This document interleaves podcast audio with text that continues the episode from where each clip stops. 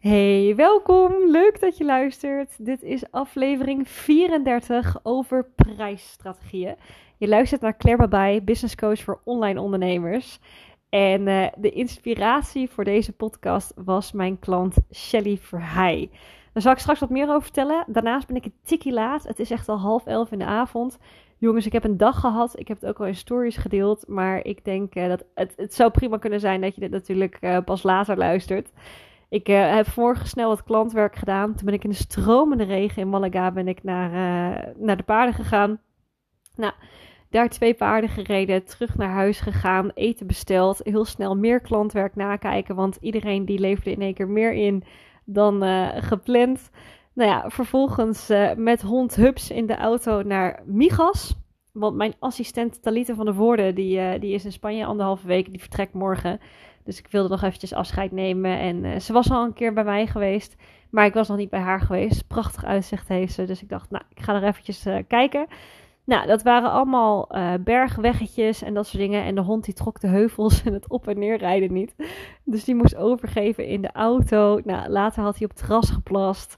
Hele drama. Ik was om negen uur thuis, nog koken, eten. En beloofd is beloofd. Want mijn andere Shelly, andere klant, Shelly Meeuwse daar heb ik dus een zichtbaarheidschallenge mee, waarmee we dus iedere werkdag dus een, uh, een podcast gaan plaatsen, allebei. Zij is de paardentherapeut, dus als je in de paardenbusiness zit, is het ook wel leuk om haar eventjes te volgen. En uh, volgens mij doet mijn andere klant Thomas Groen ook mee sinds, um, van, sinds deze week, denk ik. Maar dat weet ik eigenlijk niet zeker, met podcasten. Hij werkt als coach voor verpleegkundigen. Um, dus dat kan ook nog interessant zijn. Die kan je gewoon vinden onder Thomas Groen. Maar goed, dus, dus zit ik hier om half elf de podcast, terwijl overal uh, chagrijnig op mij aan het wachten is dat hij me de hele dag nog niet heeft gezien. Dus ik ga hem niet te, laat te lang maken en te laat maken vandaag. Nou, prijsstrategie. Shelly Verheij was dus mijn, mijn inspiratie hiervoor. Is een klant van mij die werkt als social media expert. Zij is heel goed in Instagram, Facebook en ads. Volgens mij is ze tegenwoordig ook met LinkedIn bezig. Doet ze voornamelijk voor ondernemers in de beautybranche. Dat is haar niche. Maar goed, ik bedoel, ik heb het altijd over een voordeur en een achterdeur. De voordeur is hoe je gepositioneerd staat. Bijvoorbeeld een restaurant dat bekend staat om de pizza's. Maar dat betekent niet dat als je daar uh, eenmaal bent, dat je dan geen gehaktballetjes en tomatensaus kan halen. Dus uh, als je heel graag op zoek bent naar iemand die je social media overneemt of gewoon concrete tips, ga naar uh, Shelly Verheij. Hele interessante chick is dat, kan je heel goed helpen. Nou ja, wat was nou het punt? Shelly die moest nieuwe pakketten samenstellen voor haar uh, business. Want ik zeg iedere drie klanten prijs omhoog. En zij werkte eerst nog op een uurtarief. Nou, toen hebben we er sowieso naar pakketten over gezegd, gezet. Andere reden waarom ik dat weer doe, dat is misschien nog wel interessant voer voor een andere podcast. En, uh, en ik heb die prijsstrategie, nou ik denk echt dat het drie keer één weer is gegaan. Want ik legde haar uh, iets bepaalds uit wat lastig voor veel ondernemers is om te implementeren in hun business. Niet per se voor Shelly hoor. Dus uh, daarin geen nadelen ten opzichte van haar. Maar ik weet gewoon dat heel veel ondernemers hiermee zitten. En ik krijg er heel veel vragen over. Niet alleen van mijn eigen klanten. Um, wat er ondertussen al, echt al meer dan 30 zijn. En ik heb denk ik ondertussen in de laatste twee jaar echt meer dan 200 mensen al geholpen. Uh, dus het zijn echt heel veel ondernemers die hiermee zitten. Grotendeel daarvan. Maar ook gewoon via Instagram krijg ik hier veel vragen over. Nou ja, uh, hoe werkt het? In principe wil je prijzen zo positioneren, zo neerzetten, dat jouw duurste product het meest aantrekkelijk is. Dus het aantrekkelijkst. En dat is voor heel veel ondernemers lastig. En dat zie ik in het volgende. En dat is dat het duurste product een groot prijsverschil heeft met het eerste product of met het tweede product. Laten we er even van uitgaan dat je drie producten hebt. Dan is dus de derde in verhouding een stuk duurder geprijsd dan de tweede. Wat in principe helemaal niet zo heel erg gek is. Um, als je in grotere bedragen denkt. Bijvoorbeeld, um, je betaalt uh, eh, 250 euro voor social media um, met één platform per maand. En 650 euro voor drie platformen. Ik noem maar iets, hè. Wat zei het nou zo? Dat je dus eigenlijk in verhouding wilt dat je hoogst geprijsde product het goedkoopste is. Ja? Ik vergelijk dit met een bolletjes-ijs-strategie. De hele wereld heeft namelijk obesitas om de reden dat drie bolletjes kopen ijs aantrekkelijker is dan één bolletje. En laten we daar even een voorbeeld in nemen. Stel, ik heb zin in ijs. Dat is vooral in Malaga altijd wel lekker. En ik ga naar de ijskobar en ik wil één bolletje. Dan zie ik op dat prijsbord staan 1,50 euro. Nou, dat is niet mis voor één bolletje, maar goed, dat, dat koop je dan. Maar je ziet ook dat twee bolletjes 2,75 euro is.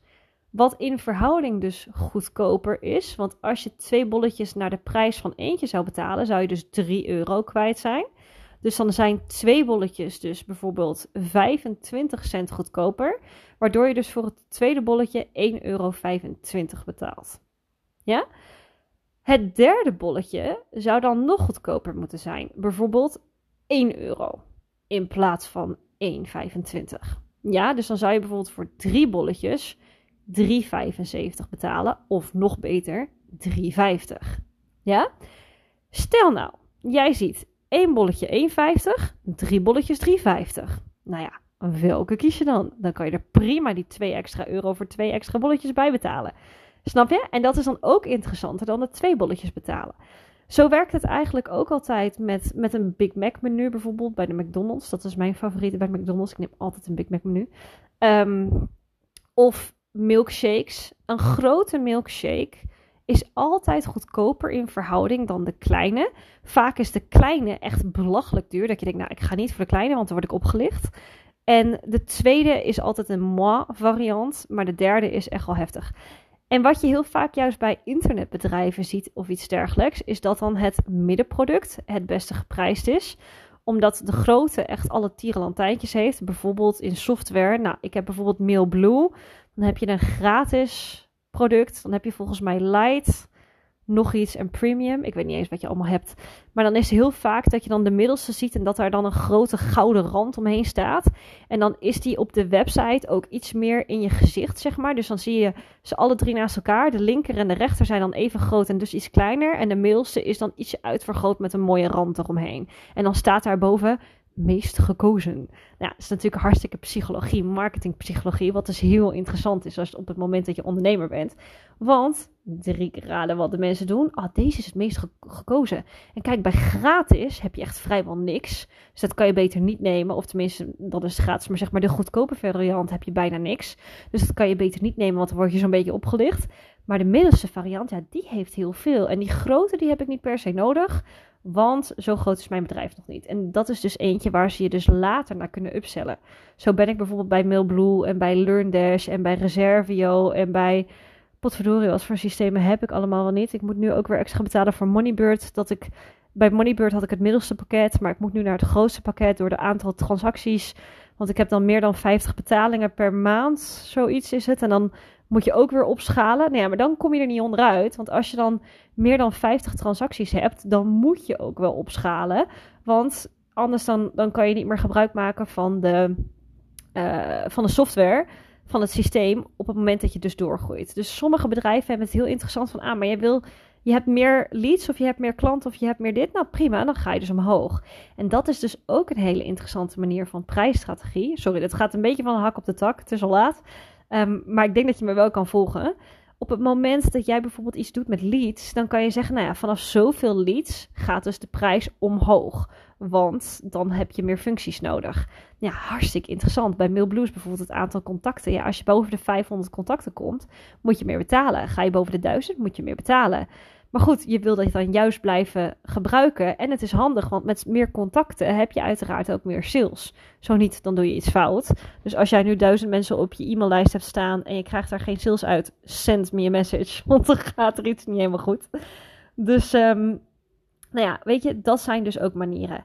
Nou, hoe doe je dit dus met softwarepakketten? Als je dus in verhouding bijvoorbeeld voor drie bolletjes ijs 1 euro per bolletje betaalt. Voor twee bolletjes ijs 1,50 euro per bolletje. En voor één bolletje ijs 2 euro. Dit zijn even andere dingen. Maar goed, ga je dus voor het grote pakket.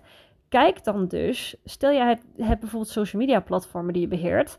Wat is de prijs per social media platform. En zorg dan dat het pakketprijs van twee social media platformen goedkoper is dan die van één.